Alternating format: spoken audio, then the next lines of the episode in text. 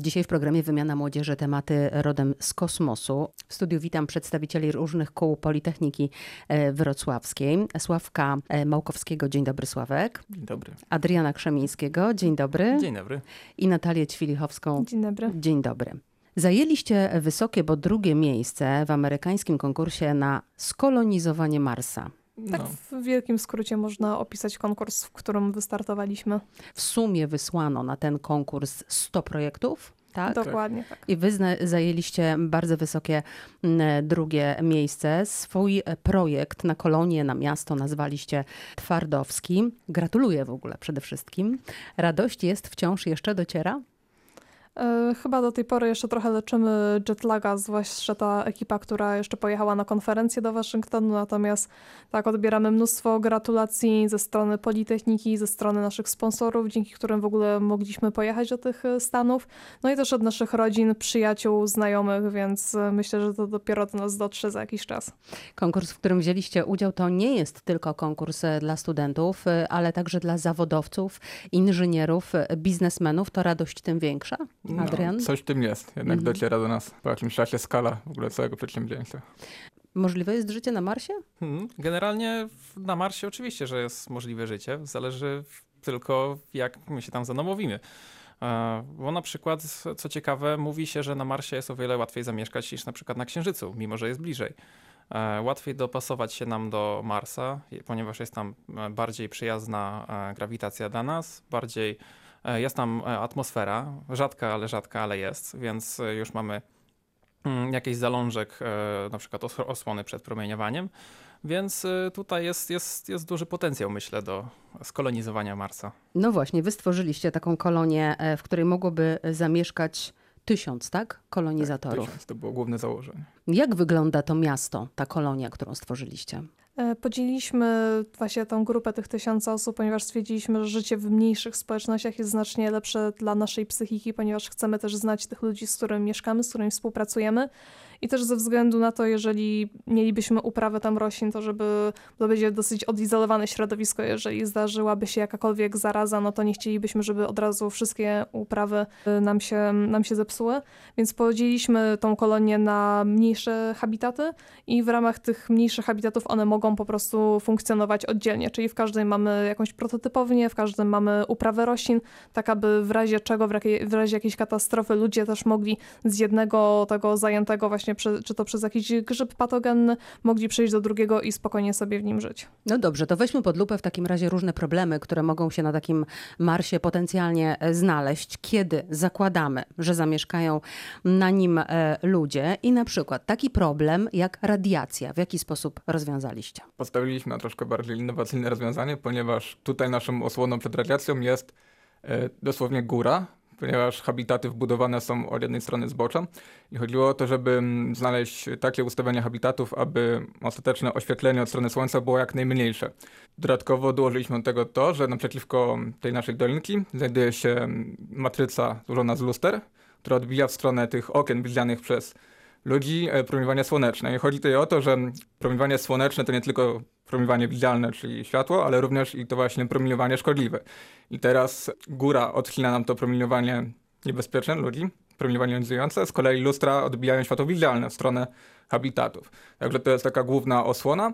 A od strony tej um, widzianej przez lustra dalej istnieje um, jakaś część tego promieniowania od strony kosmosu, promieniowania kosmicznego, które również jest niebezpieczne, ale tutaj e, osłoną z kolei jest woda. E, Woda jest bardzo dobrym moderatorem dla promieniowania jest w stanie hamować nawet bardzo wysokoenergetyczne cząstki. Także z jednej strony mamy osłonę z wody, z pleksji i różnych innych mniejszych materiałów, a z drugiej mamy górę, także jesteśmy zabezpieczeni z obu stron. Ty pracowałeś nad rozwiązaniem takiego problemu? E, ja akurat pracowałem przy zasilaniu reaktorze jądrowym, więc tam też troszkę było tym promieniowaniu, ale akurat już nie zajmowałem promieniowaniem. Promieniowaniem zajmowało się E, Nasza koleżanka Ania Wójcik i też Tak. wiem, że nasi fizycy dołożyli dosyć Bo dodajmy, że w sumie nad tym projektem pracowało ile osób? 19. 19, tak. E, A w którym miejscu umieściliście ten swój, jak to nazywacie, e, habitaty, tak? Czyli te e, różne siedliska. Moduły, moduły mieszkalne, Mhm. tak. Umieściliśmy je w kraterze Jezoro. To właśnie też był e, jeden z przedmiotów naszej pracy, bo kiedy w ogóle zabraliśmy się za tą pracę, to podzieliliśmy się na poszczególne zespoły, które zajmowały się poszczególnymi problemami, jakie wypisaliśmy sobie, jakie stwierdziliśmy, że musimy rozwiązać przez tego typu, tego typu kolonie. I jedną z nich właśnie było lokalizacja, ponieważ od lokalizacji zależy bardzo dużo właśnie, jeżeli chodzi o kąt czy też burze Mhm. piaskowe, które są bardzo dużym problemem na Marsie. E, I tutaj nasi fizycy e, po analizie poszczególnych działek, które też były analizowane innymi przez NASA jako te potencjalne do lądowania kolejnego łazika w 2020 roku, wybrali krater Jezoro. I co ciekawe, krater ten został przez nas wskazany bodajże dwa tygodnie przed tym, jak NASA ogłosiła, że właśnie w tym kraterze będzie lądował łazik. Więc dla nas to było takie już potwierdzenie, że na pewno krater, który wybraliśmy, Mhm. jest dobrym miejscem do lądowania, czyli też jeżeli chcielibyśmy tam e, mieć jakikolwiek ciąg komunikacyjny z Ziemią, e, to będzie to dobre rozwiązanie. No i dwa, że będzie on dobrze poznany, jeżeli ten łazik tam wystartuje właśnie w 2020 roku. Wspomniałaś, Natalia, o burzach piaskowych. E, No to też przyszło mi do głowy, że może być to właśnie jeden z poważnych problemów. W jaki sposób ten problem rozwiązaliście? Zacznijmy od tego, że większość budynków jest pod ziemią, tych produkcyjnych. E, Tutaj oczywiście pył marsjański jest bardzo dużym problemem, ponieważ ładuje się elektrostatycznie i dosłownie przykleja do wszystkiego i jest bardzo drobny, więc wszystkie Włazi wszędzie, innymi słowy. Tak, dosłownie, dokładnie. I tutaj głównym zabezpieczeniem przed tym, aby on nie dostał się do wnętrza budynków są właśnie śluzy. Powietrza, czyli takie podwójne wejście, jakby podwójne zabezpieczenie wejścia. A same urządzenia będą musiały być non-stop, ktoś będzie musiał o nie dbać i um, sprzątać ten pył. I odkurzać? No, może nie Odkurzacze też zaplanowaliście? No nie. A powiedzcie proszę, w jaki sposób e, został rozwiązany problem, bo sądzę, że został rozwiązany w dużej różnicy temperatur e, na Marsie. No, temperatura jest tak, tak naprawdę pojęciem względnym, ponieważ też wszystko zależy od tego, jak, w jakiej strony to patrzymy. E, jeżeli są e, na Marsie dochodzą temperatury nawet do 20-30 stopni e, w takich nasłoneczonych rejonach, więc e, to tak za bardzo nie można powiedzieć, że to jest taki aż duży problem. Bardziej większym problemem jest e, izolacja samego habitatu od straty cieplnej przed promieniowaniem e, właśnie, a raczej takie temperatura, izolacja do No i jak zaizolowaliście e, te habitaty, e, żeby tych temperatur nie wytracały? Tutaj trzeba wspomnieć, że mamy właśnie e, reaktor, który też generuje nam ciepło, którymi możemy po prostu ten habitat ogrzewać, natomiast na ten temat bardziej się, myślę, wydaje, Sławek wypowie. No tak, Sławek? sama baza gdyby będzie miała ze względu na swoją objętość małą bezwładność cieplną, czyli jednak ona będzie troszkę czasu nabierała tej temperatury i ją oddawała, więc mamy trochę czasu. A właśnie reaktor atomowy, który zaproponowaliśmy, też oprócz energii elektrycznej oczywiście wytwarza też e, energię cieplną, którą wykorzystujemy. Jest pełny recykling tej energii łącznie z tą termiczną. I termiczna energia jest odprowadzana między innymi zastosowaniem na przykład wody, która jest rozprowadzana jako ciepła, płynna woda po całej bazie. Także ona też jest takim źródłem ogrzewania w tym przypadku. Pomyślałam sobie, że z pewnością musieliście też rozwiązywać e, problemy, o których zresztą Natalia już trochę wspomniała, takie jak samotność. Ludzie, którzy mają tam zamieszkać, wspomniałaś Natalia, że no oni powinni być w jakichś konkretnych skupiskach, żeby nie czuli się wyalienowani. Tak, jeżeli chodzi o psychologię, to to już jest bardzo istotny aspekt, który jednak niestety jest czasami dosyć mocno pomijany, tak z mojego punktu widzenia, ponieważ bardziej skupiamy się na tym aspekcie trochę technologicznym i każdy chce wiedzieć, jak to rozwiązaliśmy technologicznie, natomiast no też psychika ludzka, właśnie takie odizolowanie od y, społeczeństwa, jednak odgrywa dosyć dużą rolę, bo sama podróż na Marsa, jeżeli weźmiemy pod uwagę okienko pogodowe, no to będzie trwała pół roku około.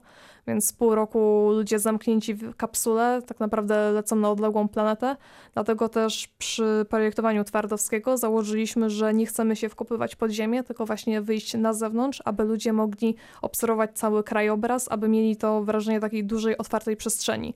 Bo my jako ludzie lubimy to, lubimy patrzeć w odległe miejsca, lubimy jeżeli coś jest zielonego, tak, bo to nas uspokaja i dlatego wkopywanie się pod powierzchnią na obcej planecie nie uważaliśmy za zbyt dobre rozwiązanie, zwłaszcza dla tych pierwszych kolonistów, którzy tam pojadą i będą tworzyć tak naprawdę małe społeczności. Ale wspomnieliście, że część rzeczy jednak została wkopana. Część e, produkcyjna. To jest część produkcyjna, natomiast część mieszkalna, czyli tak naprawdę tam, gdzie ludzie odpoczywają, gdzie spędzają czas ze swoją, czy to rodziną, znajomymi, y, jest na otwartej przestrzeni. No i jak to sąsiedztwo e, wygląda? Mają kawiarnie, mają osiedla, baseny, chodzą na spacery, parki.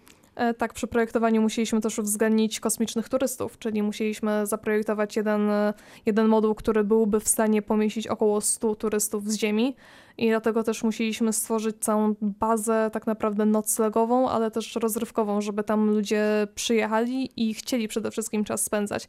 Bo jeżeli mamy tam wysłać ludzi, którzy też mieliby powiedzmy rozwijać tą kolonię, w jakikolwiek sposób działać i być zmotywowani do tego, żeby działać, no to też musimy im zapewnić takie zaplecze, aby oni się tam dobrze czuli, aby nie byli w takim potrzasku, powiedzmy, aby nie czuli się odizolowani od, y, od właśnie macierzystej planety, tylko chcieli tam przebywać, aby to sprawiało im radość. I właśnie dlatego, jak y, można było zobaczyć właśnie na wizualizacjach Twardowskiego, to jest miejsce, gdzie każdy by chciał zobaczyć, jak to wygląda, gdzie każdy by chciał przebywać, chociażby być tym kosmicznym turystą. A kosmiczny turysta to kto? Ziemianin. Lecą na Marsa, odwiedzają, ale też powiedzmy w sprawach biznesowych, bo jedną z części projektowych tej kolonii było też założenie ekonomiczne, czyli jakbyśmy o, chcieli bardzo zarabiać. dobrze, że to mówisz, Tak, bo jak- zastanawiałam się, jak rozwiązaliście problemy finansowe, czyli w jaki sposób ta kolonia się y, może utrzymywać. No właśnie jednym z takich pomysłów jest e, sprzedawanie działek hotelowych pod hotele, które do koncerny tak naprawdę hotelowe, które znajdują się na Ziemi, czyli do tych większych spółek by należały i miały po prostu swój oddział na Marsie. I w ten sposób e, kolonia na sprzedaży mogłaby zarabiać. Jeszcze chcę wrócić na chwilę mm, do tej e, turystyki i do tego społecznego e, życia. W jaki sposób e, ludzie by się bawili? Mówiłaś, że stworzylibyście im to zaplecze, tak to nazwałaś Natalia, takie rozrywkowe. Czyli co by to było? E, Tak naprawdę całkiem ziemskie rozrywki, czyli jakieś spa, bo na przykład moglibyśmy wykorzystać e, regolit e, występujący na Marsie do zrobienia powiedzmy jakichś peelingów, maseczek, no to to jest takie już jeden z naszych pomysłów, ale też biblioteka, wirtualna rzeczywistość, która też się dosyć mocno rozwija, ale też wydaje mi się, że przejazd, zobaczenie w ogóle całego krajobrazu, czy jakieś restauracje z jakimiś ładnymi punktami widokowymi, myślę, że też świetnie by się spisały w takiej kolonii. Co ci ludzie na Marsie w tej e, waszej kolonii by jedli? E, No, ja również zajmowałam się właśnie częścią tą e, systemów podtrzymywania życia. E, Zdecydowaliśmy się na uprawy akwaponiczne, czyli to jest połączenie uprawy bezglebowej z hodowlą ryb. Nie używamy gleby, korzenie. e, Korzenie są zawieszone w wodzie, w której żyją sobie rybki. E, Odchody tych ryb stanowią e, nawóz dla tych roślin. No i Plus jest taki, że właśnie nie używamy tej gleby, która mogłaby być siedliskiem patogenów, która, tak jak mówiłam, to jest odizolowane środowisko i wszelkiego rodzaju, czy to grzyby, czy to bakterie patogeny mogłyby być niebezpieczne dla naszych e, upraw. E, No i mamy rybki i mamy rośliny, ponieważ di- dieta roślinna, no ciężko jest zapewnić odpowiednią kaloryczność, tylko i wyłącznie dietą roślinną, no i roślinami, które mają dosyć krótki okres wegetacji, bo też tym się kierowaliśmy, wybierając, jakie gatunki moglibyśmy tam e, uprawiać. Dlatego właśnie chcieliśmy to wzbogacić nieco właśnie rybami, które są przede wszystkim źródłem białka i też tłuszczy niezbędnych w naszej diecie. A w jaki sposób te ryby, czy też nasiona roślin by się na tym Marsie pojawiły? No tutaj mamy już e, technologię, bo trzeba pamiętać, że mamy zdeponowane rośliny, czy też nasiona roślin na biegunach e, w celu zabezpieczenia ich, jeżeli jakaś by, powiedzmy, roślina wymarła na ziemi, no to mamy zapas e, pozostawiony tam na wszelki wypadek, prawda, dla, dla przyszłych pokoleń, dlatego mi się wydaje, że to, to jest jeden z mniejszych problemów, jeżeli chodzi o powstanie kolonii na innej planecie. A teraz przyszedł mi do głowy jeszcze jeden taki problem, który na pewno musieliście rozwiązywać. Problem, który w tej chwili dla Ziemi jest jednym z największych zagrożeń, a mianowicie śmieci. Poradziliście sobie ze śmieciami na Marsie? Jakiś recykling? E, Tak, jeżeli chodzi o gospodarkę odpadami, to e, zajmowałam się głównie e, odpadami bio, czyli po, pojawiającymi się w przypadku niejadalnych części roślin, czyli rośliny i łodygi. E, I tutaj zaproponowałam biorafinerię, czyli coś, co funkcjonuje też tutaj na Ziemi. E, To jest po prostu odzyskiwanie wszelkiego rodzaju cennych związków e, właśnie z tych niejadalnych części roślin, czyli możemy produkować etanol, o którym też było do- dosyć głośno przy naszym projekcie, ale też Może, przepraszam jeszcze, e, etanol, czyli możecie alkohol produkować. Możemy alkohol produkować jak najbardziej. Zaplanowaliście to w ramach rozrywki, czy innego rodzaju spożytkowania? Ekonomia. To jest ekonomia. To jest ekonomia właśnie, tak? Tak. Tak, to jest jako to dobro luksusowe, ponieważ założyliśmy, że żeby w ogóle zarabiać na tej kolonii, musimy sprowadzać dobra, które są przede wszystkim luksusowe, czyli w mniejszych ilościach, ale też, żeby one uzyskiwały znacznie lepszą cenę na ziemi, więc e, tutaj marsjańska wódka jak najbardziej w naszym przekonaniu sprawdziłaby się jako ten produkt, który moglibyśmy Produkt właśnie... luksusowy? Produkt luksusowy, tak. powstający z niejadalnych części roślin. Radio Wrocław. Radio z Dolnego Śląska. Adrian, czym ty się zajmowałeś? Bo mam wrażenie, że wszystkimi tymi społecznymi aspektami zajmowała się Natalia, co leżało w zakresie twoich e, obowiązków w tym projekcie twardowskim. Generalnie ja tutaj jestem jako prezes koła naukowego, więc może bardziej e, koordynowaniem i rozfinansowaniem tego całego wyjazdu, ale tak z kwestii technicznych to już raczej mniej ale jeżeli na początku też się chciałem zaangażować w kwestie produkcyjne. To porozmawiamy w takim razie o tym, jak wy funkcjonowaliście, kiedy tworzyliście e, ten projekt. Odrealniliście się trochę, czy musieliście jednak cały czas stąpać mocno po ziemi, liczyć te pieniądze, które macie na wydanie w ramach e, tego projektu? Generalnie poszukiwanie sponsorów e, to była też bardzo ciężka, bardzo ciężka rzecz. Bardzo pomogła właśnie nam też w tym Natalia która też się właśnie zaangażowała. Bo to nie było tak, że pieniądze przyszły same, prawda? Tylko musieliście je znaleźć. Tak mhm. e, ale co nam bardzo pomogło, to e, otrzymaliśmy grant e, od Ministerstwa e, Nauki i Szkolnictwa Wyższego E, najlepsi z najlepszych 4-0 i to była dla nas już taka, powiedzmy, mogliśmy się oswobodzić ze wszystkich już naszych problemów finansowych dzięki temu. Dodam, że firma TM bardzo nas wspomogła w, trakcie tego projektu, bo też tworzyliśmy makiety na ten e, konkurs i właśnie dzięki temu, że ona nam pomogła, w ogóle mogliśmy e, spełnić wszystkie założenia, jakie sobie posta postawiliśmy przy tym projekcie. Jak długo pracowaliście nad tym projektem? Projekt rozpoczął się praktycznie w październiku tamtego roku kiedy to właśnie e, zebraliśmy się e, razem z właśnie z organizacją Space More, potem także właśnie do nas dołączyło koło MOS e, i rozpoczęliśmy taką burzę mózgów, ponieważ tylko Mars Society udostępniło nam informacje dotyczące konkursu i no już musieliśmy sami już wymyślić, co, co z tymi zasadami zrobimy. Czy ty również byłeś odpowiedzialny za to, ile osób danym obszarem tematycznym się zajmuje? Podzieliłeś tę dużą grupę na mniejsze grupy? Nie, praktycznie no, te osoby, które chciały pracować, to pracowały. Ja już tutaj też nie narzucałem żadnych takich ilości. Sporo czasu poświęciliście y, na to? Zależy kiedy. Do momentu wysłania raportu to powiedzmy nie było jeszcze aż tak dużo pracy ze strony każdego z nas, ponieważ tam byliśmy podzieleni na bardzo małe obszary i tylko w tych małych grupach dopracowaliśmy tę swoją część. E, potem na trzy dni przed wysłaniem raportu zamknęliśmy się. Jest baza kosmiczna wybudowana w Pile, e, gdzie właśnie przeprowadzone są misje analogowe, więc możemy powiedzieć, że to jest pierwsza baza, która powstała w innej bazie e, w Pile jak to sobie żartujemy. No i właśnie zamknęliśmy się tam przez trzy dni, mieliśmy tak naprawdę hackathon, czyli e, bez spania z dużą ilością pizzy i składaliśmy cały raport e, w jedną część, bo mieliśmy tylko 20 stron, żeby się ze wszystkim zmieścić. Miałam o to pytać, czy to prawda, że mieliście cały ten ogromny projekt, o którym mam wrażenie trudno opowiedzieć nawet w ciągu 20 minut bez przerwy, bez piosenek. Wy zmieściliście na 20 tylko stronach. Dokładnie. To było też wyzwanie, jak rozumiem. To chyba było najtrudniejsze, no bo mhm. te grupki, na które się podzieliliśmy, każda się wyspecjalizowała w swoim temacie i każdy mógłby gadać o tym, co zrobił przez dwie godziny, a potem musiał to zmieścić na jednej stronie. Tak samo potem z prezentacją. Każdy z nas mógłby opowiadać, ale nie, to trzeba skrócić tam do tylko pojedynczej minuty czy dwóch. Reszta będzie ewentualnie w pytaniach i każdy liczy, że ktoś może go zapyta o to, co tam głębiej siedzi po jego stronie. A jak sądzicie, dlaczego ten warunek był taki ważny, żeby zmieścić to na 20 stronach? E, ponieważ teraz zostanie wydana książka właśnie z 20 bodajże najlepszymi projektami i jeżeli sobie pomnożymy 20 projektów razy 20 stron, no to nam się robi dosyć pokaź pokaźna księga. Dlatego to był ten wymóg, żeby się jak najbardziej skrócić. Wracam do pytania pierwszego, e, czy możliwe jest e, życie um, na Marsie, a w zasadzie do tego, w jaki sposób teraz to, czego wy dowiedliście w trakcie waszego e, rocznego projektu, może być przez naukowców wykorzystane, przez badaczy Marsa na przykład. Generalnie chyba myśl tego konkursu polegała na tym, żeby po prostu przypomnieć ludziom ogólnie, że się da. Przy tej technologii, którą mamy w tym momencie, możliwe jest rozpoczęcie tak dużego przedsięwzięcia i faktycznie zrealizowanie go. Oczywiście to jest w pewnym sensie strategiczny projekt, na który musi się złożyć cała planeta i wszyscy muszą się ze sobą dogadać, ale jest to możliwe. Już nawet w 1996 roku Robert Zubrin w swojej książce Czas Marsa, tak swoją drogą jest właśnie prezesem tym Mars Society, czyli tej organizacji, która organizowała ten konkurs. On w 1996 roku już pokazał, że już w tamtych czasach technologia którą miała ludzkość, wystarczy do tego, żeby faktycznie postawić stopę na Marsie, wykorzystując te same rakiety, czyli Saturn V, które zostały wykorzystane przy misji Apollo. Czyli e, to nie jest tak, że wy stworzyliście jakiś projekt e, science fiction, tylko stworzyliście naukowy projekt, który naprawdę może być przez naukowców kiedyś wykorzystany. Warunkiem tylko jest to, tak jak powiedziałeś, że musi się zgodzić i kroki przedsięwziąć cała planeta. Dokładnie. To jest skala projektu, to jest gigantyczny projekt, to jest ruch całej cywilizacji w tym momencie.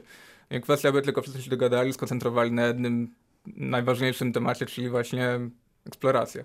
A jak Rozwój. sądzicie, kiedy człowiek postawi nogę na e, Marsie? No, myślimy, że teraz jest tyle obwarowań, jeżeli chodzi o wysyłanie ludzi gdziekolwiek, że znacznie prościej było to właśnie te 50 lat temu, kiedy startowało Apollo, dlatego ciężko jest stwierdzić, bo też nie wiadomo, co będzie, jeżeli ktoś się zgłosi na ochotnika na taką misję, powiedzmy w jedną stronę, jak się na to będzie zaopatrywać cały świat pod względem etycznym.